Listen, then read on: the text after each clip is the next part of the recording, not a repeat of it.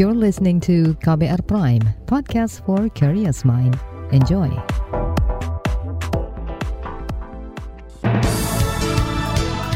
Halo saudara, selamat pagi. Senang sekali kami bisa menjumpai Anda kembali melalui program Buletin Pagi untuk edisi hari ini Selasa 22 Maret 2022 bersama saya Agus Lukman. Sejumlah informasi pilihan telah kami siapkan bagi Anda, di antaranya semakin deras desakan mundur terhadap Menteri Perdagangan Muhammad Lutfi terkait dengan krisis minyak goreng. Aktivis hak asasi manusia akan membuktikan dugaan keterlibatan Luhut di bisnis tambang Papua. Hujan lebat berpotensi memperburuk banjir di Jawa Tengah. Inilah buletin pagi selengkapnya. Terbaru di buletin pagi. Saudara kalangan anggota DPR menilai Menteri Perdagangan Muhammad Lutfi lemah dalam membereskan krisis minyak goreng. Anggota Komisi Perdagangan di DPR, Nevi Zuairina, mengatakan kegagalan Muhammad Lutfi menjadi presiden buruk pemerintah dalam mengatasi keluhan masyarakat. Menteri Lutfi juga dinilai gagal menjalankan sejumlah aturan yang dibuatnya untuk menyelesaikan masalah sejumlah bahan pokok. Kalau kita lihat berarti ada kekuatan politik ekonomi yang kita tidak jelas siapa orangnya. Menteri Perdagangan dalam dua bulan terakhir ini telah mengeluarkan tujuh aturan terkait CPO dan minyak goreng. Namun tidak satu pun yang bisa dijalankan dengan baik. Jadi kalau kita lihat dari gestur Pak Menteri telah angkat tangan ya dengan permasalahan minyak goreng ini dan memang kita harapkan Bapak Presiden kita untuk turun tangan ya menyelesaikan polemik minyak gorengnya sejak awal. Karena ini kan presiden buruk ya. Anggota Komisi Perdagangan di DPR Nevi Zuairina mendorong Menteri Perdagangan Lutfi untuk tegas menyelesaikan kelangkaan dan tingginya harga minyak goreng. Ia meminta agar pemerintah tidak kalah dan menyerah terhadap para mafia dan spekulan minyak. Nevi mengatakan fraksinya akan mengusulkan pembentukan hak angket atau hak penyelidikan untuk mengusut peliknya masalah minyak goreng di tanah air. Sebelumnya, saudara, pada pekan lalu Menteri Perdagangan Muhammad Lutfi meminta maaf lantaran belum bisa menangani permasalahan minyak goreng. Lutfi mengaku tidak bisa mengontrol mafia dan spekulan yang mengakibatkan kelangkaan minyak goreng. Hal ini disampaikan Lutfi saat rapat kerja dengan DPR pekan lalu. Lutfi juga mengeluh karena memiliki kewenangan terbatas untuk mengusut mafia dan spekulan minyak goreng. Ia mengklaim memiliki data para mafia dan spekulan minyak dan sudah diserahkan ke polisi. Di depan anggota DPR, Lutfi berjanji akan mengungkap para mafia dan spekulan itu pada Senin kemarin, namun janji itu tidak kunjung terrealisasi. Selain minyak goreng, sejumlah bahan pokok juga mengalami kenaikan harga seperti daging sapi, kedelai, hingga gandum. Saudara masyarakat anti korupsi Indonesia maki mendesak Muhammad Lutfi mundur dari kursi Menteri Perdagangan jika gagal mengatasi masalah minyak goreng di pasaran. Masyarakat Anti Korupsi Indonesia merupakan salah satu LSM yang melaporkan sejumlah perusahaan yang diduga menyelundupkan komoditas ini ke luar negeri. Koordinator Maki, Boyamin Saiman mengatakan kebijakan yang diambil Lutfi tidak menyelesaikan masalah. Ia menyayangkan sikap Lutfi yang justru minta maaf karena tidak bisa mengontrol mafia minyak goreng. Dan kalau ada dugaan mafia itu mengambil keuntungannya setidaknya bahkan tiga bulan ini mengambil keuntungan besar dari proses yang apa istilahnya karena kemudian jadi langka karena yang ini apa di luar negeri mahal ya tidak dijual ke dalam negeri dijual ke luar negeri mulai dari CPO maupun minyak goreng. Ya saya berharap kebijakan pemerintah itu yang justru hadir dan membela masyarakatnya itu. Dan bentuknya ya mestinya tegas terhadap harga eceran tertinggi yang melanggar ditindak Koordinator Masyarakat Anti Korupsi Indonesia Maki Boyamin Saiman menambahkan mahalnya harga minyak goreng yang tidak kunjung teratasi akan berdampak buruk. Masyarakat akan tambah terbebani dalam memenuhi kebutuhan pokok yang turut merangkak naik utamanya menjelang Ramadan. Sementara itu, saudara kalangan pedagang juga turut mempertanyakan kinerja Menteri Perdagangan Muhammad Lutfi dalam mengatasi krisis minyak goreng. Sekretaris Jenderal Ikatan Pedagang Pasar Indonesia, Reynaldi Sarijowan, mengatakan ketersediaan dan perubahan harga minyak goreng di lapangan tidak menentu menjelang Ramadan datang. Itu hak dan wewenang dari Pak Presiden Jokowi. Kita lihat selama kurun waktu satu kuartal terakhir ini kan mestinya ada evaluasi di kabinet. Evaluasinya seperti apa? Berjalankah? Kalau berjalan ya kita harapkan ke depan Kementerian Perdagangan jauh lebih baik. Tapi kalau memang Presiden punya hak prerogatif untuk mengganti dan meresafel itu tergantung Pak Presiden. Jadi kalau kami tetap mendorong agar dalam waktu dekat ini menjelang Ramadan perlu untuk mendistribusi seluruh bahan pokok yang ada di yang ada dimiliki oleh kementerian-kementerian. Sekretaris Jenderal Ikatan Pedagang Pasar Indonesia IKAPI Renaldi Sarijawan mendesak pemerintah agar fokus dan serius mengendalikan harga minyak di pasar modern maupun tradisional.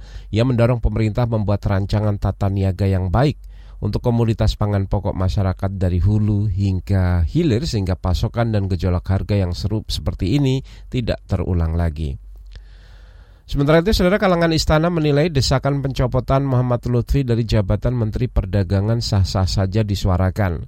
Tenaga ahli utama kantor staf Presiden Edi Priyono mengatakan evaluasi kinerja Muhammad Lutfi merupakan hak prerogatif dari Presiden Joko Widodo. Ya kalau masalah copot mencopot kan terserah Bapak Presiden kan, prerogatif beliau kan, kalau itu ya. Kalau itu ya, ya, ya suara-suara ya boleh-boleh aja. Tapi kalau persoalan copot mencopot kan kewenangan penuh Presiden itu nggak usah kita nggak nggak bisa nggak bisa cawe-cawe juga. Ya usul-usul atau aspirasi ya ya silakan aja gitu. Tapi pada akhirnya kan keputusan di Presiden dan kita terus terang nggak tahu gitu. Mungkin hanya Bapak Presiden yang tahu. Tenaga ahli utama dari kantor staf Presiden Edi Priyono memastikan Presiden Joko Widodo terus memantau proses dan hasil kerja para menteri dalam menangani berbagai masalah. Namun ia belum mendapat informasi mengenai evaluasi kinerja Menteri Perdagangan Muhammad Lutfi utamanya mengenai masalah minyak goreng. Ia memastikan pemerintah mengupayakan berbagai kebijakan untuk mengendalikan rantai pasokan dan pengendalian harga minyak goreng sehingga tetap tersedia di pasar dan terjangkau harganya oleh masyarakat. Saudara aktivis hak asasi manusia Harisa Azhar dan Fatia Maulidianti akan membawa bukti dugaan keterlibatan Luhut di bisnis tambang emas di Papua. Informasi selengkapnya hadir sesaat lagi tetaplah di Buletin Pagi KBR. You're listening to KBR Pride, podcast for curious mind. Enjoy!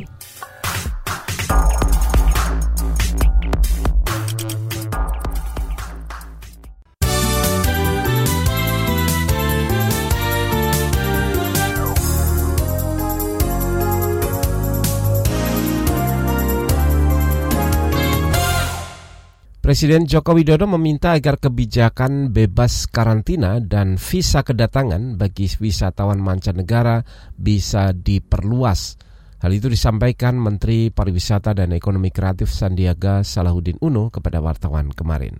Keputusan ini efektif per hari ini, tapi implementatif menunggu surat edaran yang baru. Jadi arahan dari Bapak Presiden tadi harus segera di realisasikan untuk perluasan VOA dan tanpa karantina.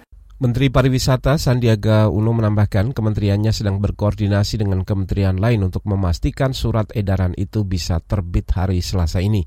Sandiaga meyakini kunjungan wisatawan mancanegara akan melampaui target 1,8 juta hingga 3,6 juta pada tahun ini. Kebijakan bebas karantina dan visa on arrival atau visa kedatangan telah diuji coba di Bali sejak 7 Maret lalu. Badan Otorita Ibu Kota Nusantara berencana menggandeng Komisi Pemberantasan Korupsi KPK untuk mengawal proyek pembangunan ibu kota baru di Kalimantan Timur. Rencana itu disampaikan Kepala Otorita Ibu Kota Nusantara Bambang Susantono saat menyambangi gedung KPK. Bambang mengatakan pendampingan KPK dalam perencanaan dan pembangunan IKN bertujuan untuk menggait kepercayaan investor dan dunia internasional lebih menekankan kepada tadi sistem pengendalian, sistem pencegahan, bagaimana KPK dari awal sudah ikut dalam proses ini, lebih ke arah sana. Kepala Badan Otorita Ibu Kota Negara Nusantara, Bambang Susantono mengatakan ada empat tahap dalam proyek pembangunan ibu kota yang akan mendapat pendampingan dari KPK. Tahap itu mulai dari persiapan, pembangunan, pemindahan, hingga penyelenggaraan pemerintahan di ibu kota baru. Beralih ke informasi hukum, saudara aktivis hak asasi manusia Haris Azhar dan Fatia Maulidianti menyatakan siap menyerahkan bukti dan saksi terkait dugaan keterlibatan Menko Maritim Luhut Panjaitan dalam bisnis tambang di Papua. Haris dan Fatia kemarin menjalani pemeriksaan sebagai tersangka dugaan pencemaran nama baik Luhut. Pemeriksaan berjalan hingga malam hari. Haris Azhar mengatakan akan meminta polisi memeriksa saksi-saksi yang menguatkan dugaan keterlibatan Luhut dengan bisnis tambang emas di Intan Jaya, Papua pada saat kegiatan operasi militer menumpas kelompok bersenjata. Kita hari Rabu ya. pagi akan serahkan sejumlah uh, bukti dan saksi dan nama-nama saksi untuk kita minta diperiksa dalam proses uh, penyidikan ini supaya lebih fair. Tujuannya supaya terang benderang dalam pernah proses penanganan kasus ini. Aktivis hak asasi manusia Aris Azhar mengatakan tidak ada pertanyaan polisi mengenai hasil riset koalisi masyarakat yang sebetulnya merupakan sumber pertama Haris dalam mengungkapkan dugaan keterlibatan Luhut. Aktivis hak asasi manusia Haris Azhar dan koordinator LSM Kontras Fatia Maulidianti ditetapkan sebagai tersangka pencemaran nama baik terhadap Menko Maritim dan Investasi Luhut Bin Sarpanjaitan. Luhut melaporkan dua orang itu ke kepolisian terkait video di akun YouTube Haris Azhar berjudul Ada Lord Luhut di balik relasi ekonomi operasi militer Intan Jaya. Tayangan itu merujuk hasil riset dari Koalisi Masyarakat Sipil yang berjudul Ekonomi Politik Penempatan Militer di Papua. Papua. Kita ke informasi ekonomi, saudara Ketua Umum Gabungan Koperasi Produsen Tempe Tahu Gakoptindo, Aib Syarifuddin menyesalkan belum terrealisasinya subsidi harga kedelai dari pemerintah. Aib menagih janji pemerintah kembali yang akan memberikan subsidi kepada perajin tempe tahu sebesar Rp1.000 per kilogram. Itu dijelaskan oleh Menteri Perdagangan waktu itu diwakili Pak Oke Nurwan, terus dari Bulog dan dari uh, Pertanian, betul ya. Itu pada waktu itu rapat tanggal 22 hari dan alhamdulillah subsidi yang kami tunggu-tunggu itu oleh pengrajin tempe tahu sampai sekarang 0,0. Alhamdulillah. Ketua Umum Gakoptindo, Aib Syarifuddin mengatakan pada bulan ini harga kedelai mencapai 12.000 per kilogram atau naik Rp1.000 dari bulan sebelumnya. Kita ke mancanegara, saudara pesawat komersial China Eastern Airlines jatuh di kawasan desa dekat kota Guangxi, Tiongkok pada Senin kemarin. Pesawat nahas itu membawa lebih dari 130 penumpang. Hingga malam tadi belum ada informasi lebih lanjut terkait kondisi para penumpang. Namun maskapai penerbangan China Eastern Airlines telah mengkonfirmasi jatuhnya pesawat Boeing 737 seri 800 itu. Menurut maskapai, pesawat jatuh dari ketinggian ribuan meter hanya dalam waktu 3 menit. Pesawat itu hilang dari radar sekitar satu jam setelah terbang pada Senin siang dan sejumlah foto dan video jatuhnya pesawat itu sempat menyebar di media sosial di Tiongkok. Jatuhnya pesawat domestik itu dikabarkan menyebabkan kebakaran hutan di perbukitan Tengshan di kota Guangxi. Kita ke informasi olahraga. Saudara, setelah menggelar ajang MotoGP Mandalika, pemerintah Nusa Tenggara Barat membidik menjadi tuan rumah penyelenggaraan balap mobil Formula 1 pada tahun 2024. Kepala Dinas Pekerjaan Umum dan Penataan Ruang di Provinsi Nusa Tenggara Barat Ridwan Syah mengatakan telah berkomunikasi langsung dengan Ketua Formula 1 Stefano Domenicali. Menurut Ridwan, pihak F1 menilai sirkuit Mandalika sangat memenuhi syarat sebagai tempat balapan F1. Ridwan mengatakan pihak F1 mensyaratkan agar dibangun 3.000 kapal, maksud kami 3.000 kamar hotel bintang 5 di Mandalika. Sampai saat ini baru tersedia sekitar 800 kamar hotel bintang 5 dan diperkirakan membutuhkan waktu sampai 2 tahun untuk memenuhi persyaratan tersebut. Di bagian berikutnya, saudara kami hadirkan laporan khas KBR mengenai wajah panggung Harjo, desa anti korupsi pertama di Indonesia. Nantikan sesaat lagi.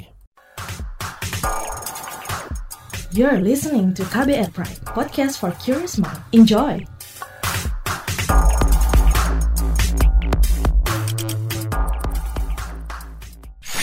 Commercial break. Commercial break. Eh, Pak Bayu, gimana Pak? Udah makan siang belum? Iya Bu Lastri, belum nih. Saya lihat dagangan Bu Lastri laris terus. Bu Lastri pakai penglaris ya? Memang betul Pak, saya pakai penglaris. Wah, Bu Lastri, saya dibagi dong penglarisnya. Boleh dong Pak. Nih Pak Bayu, silahkan dipakai maskernya. Hah? Masker? Betul Pak Bayu, masker ini yang membuat dagangan saya laris manis sekarang. Karena pembeli merasa aman beli kue-kue saya. Selain itu juga melindungi saya terpapar virus. Karena kan kita ketemu banyak orang. Dan saya juga nggak pernah lepas sekalipun selama berjualan. Dicoba deh Pak Bayu. Laris dagangannya, lari virusnya.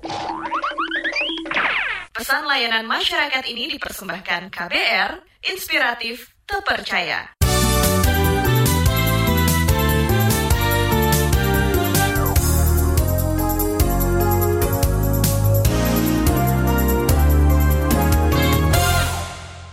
Terima kasih saudara Anda masih bersama kami di Buletin Pagi KBR. Saudara, tidak kurang dari 400 triliun rupiah dana desa telah digelontorkan sejak 2015 lalu. Di kurun waktu yang sama, ratusan kepala desa dan aparatur ditangkap karena korupsi. Ini menunjukkan masih banyak desa yang belum siap mengelola anggaran secara transparan dan profesional. Di tengah kondisi itu ada secerca harapan dari Panggung Harjo Bantul, Yogyakarta. Desa ini ditetapkan KPK sebagai desa anti korupsi pertama di Indonesia. Berikut laporan khas KBR yang disusun jurnalis Ninik Yuniati.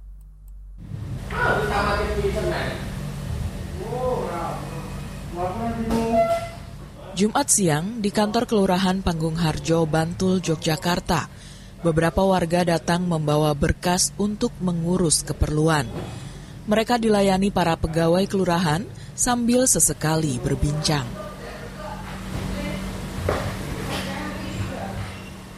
Mereka jam tengah delapan ya jam kantor sudah ada di kelurahan. Ketika kita mengurus itu ya cepat. Itu yang menyebabkan saya betah di desa ini. Ini Abdul Rozak, yang sudah menjadi warga Panggung Harjo selama 25 tahun. Ia puas dengan kualitas layanan kelurahan yang meningkat beberapa tahun terakhir, terutama sejak dipegang Lurah Wahyudi Anggoro Hadi.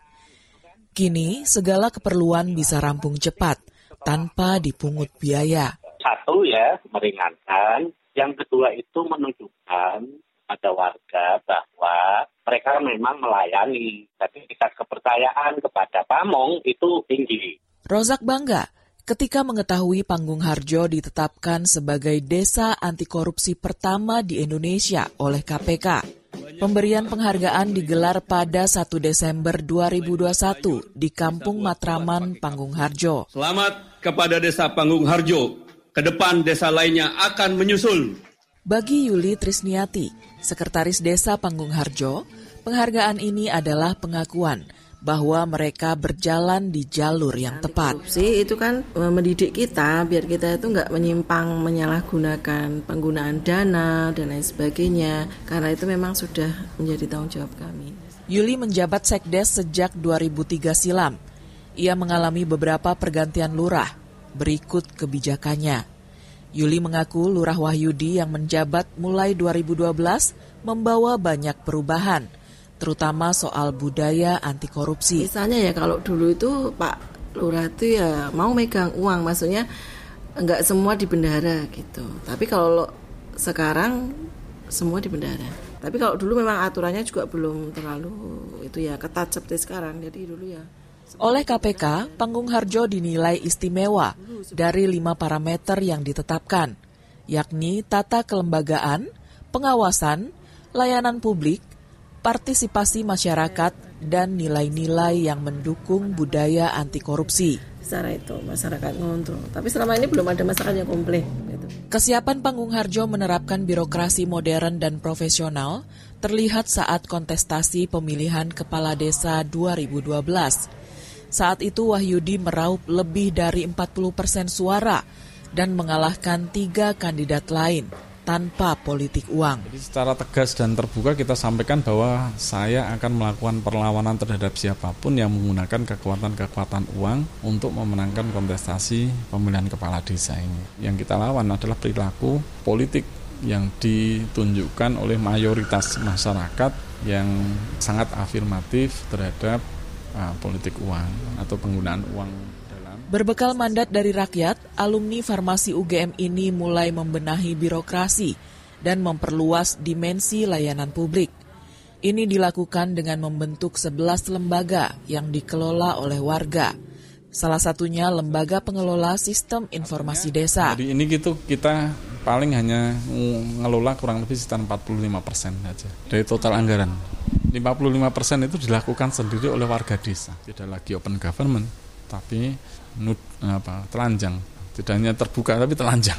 Karena semuanya diserahkan gitu kan. Yes sehingga akses terhadap data keuangan yang mereka punya. Akses. Skema kolaboratif bisa berjalan lancar jika warga percaya dengan pemerintah desanya. Bagaimana caranya agar 40 perangkat desa dengan kapasitas yang sangat terbatas itu mampu mengatur 28 ribu jiwa yang jauh lebih pintar, jauh lebih kaya. Itu hanya ketika yang 40 orang itu dipercaya oleh yang 28 ribu jiwa. Selain itu tidak ada cara lain. Setelah menata fondasi birokrasi profesional dan masyarakat partai partisipatif, di periode kedua pemerintahan Lurah Wahyudi Pangungharjo siap melangkah lebih jauh. Hal-hal yang sifatnya kemudian langsung menjawab kebutuhan ataupun persoalan yang dihadapi oleh warga desa terkait dengan kemandirian terkait dengan isu-isu ekonomi, isu kesehatan, isu pendidikan, isu pemberdayaan perempuan dan perlindungan anak, isu kedaulatan pangan dan lingkungan hidup, isu keamanan ketertiban, tata ruang desa dan infrastruktur lingkungan permukiman, agama dan kebudayaan itu yang kemudian menjadi prioritas dalam upaya untuk mewujudkan masyarakat desa Pangwarjo yang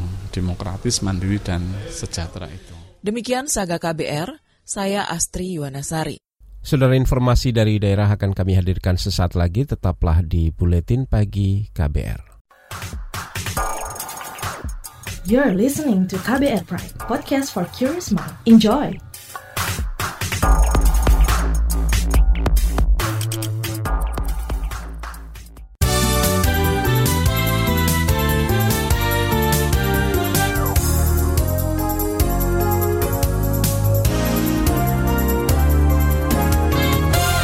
Anda masih bersama kami di Buletin Pagi KBR. Saudara kita menuju ke informasi daerah. Badan Meteorologi, Klimatologi, dan Geofisika memperingatkan potensi hujan lebat di sejumlah wilayah pesisir selatan Jawa Tengah. Perakirawan Pos Pengamatan Meteorologi Tunggul Wulung Randy Krisnawan mengatakan hujan lebat berpotensi memperburuk dampak banjir di Kebumen, Banyumas, dan Cilacap.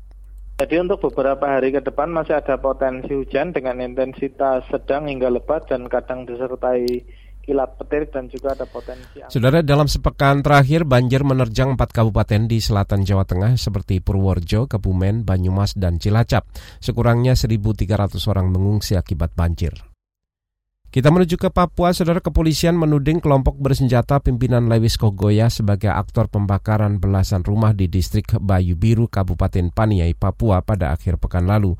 Juru bicara kepolisian daerah Papua, Ahmad Mustafa Kamal mengatakan pembakaran disertai bunyi tembakan di dua lokasi berbeda. Uh, kelompok kriminal bersenjata melakukan pembakaran. Ada dua warga yang menginformasikan hal itu ya. Terlihat memang kondisi uh, dua lokasi memang sudah terbakar. Juru bicara Polda Papua Ahmad Mustafa Kamal mengatakan Bayu Biru merupakan area penambangan emas tradisional di Paniai. Belasan rumah yang terbakar digunakan penambang sebagai tempat tinggal dan kini mereka memilih mengungsi ke tempat lain. Informasi tadi saudara menutup jumpa kita di Buletin Pagi hari ini. Saya Agus Lukman, kami undur diri. Salam.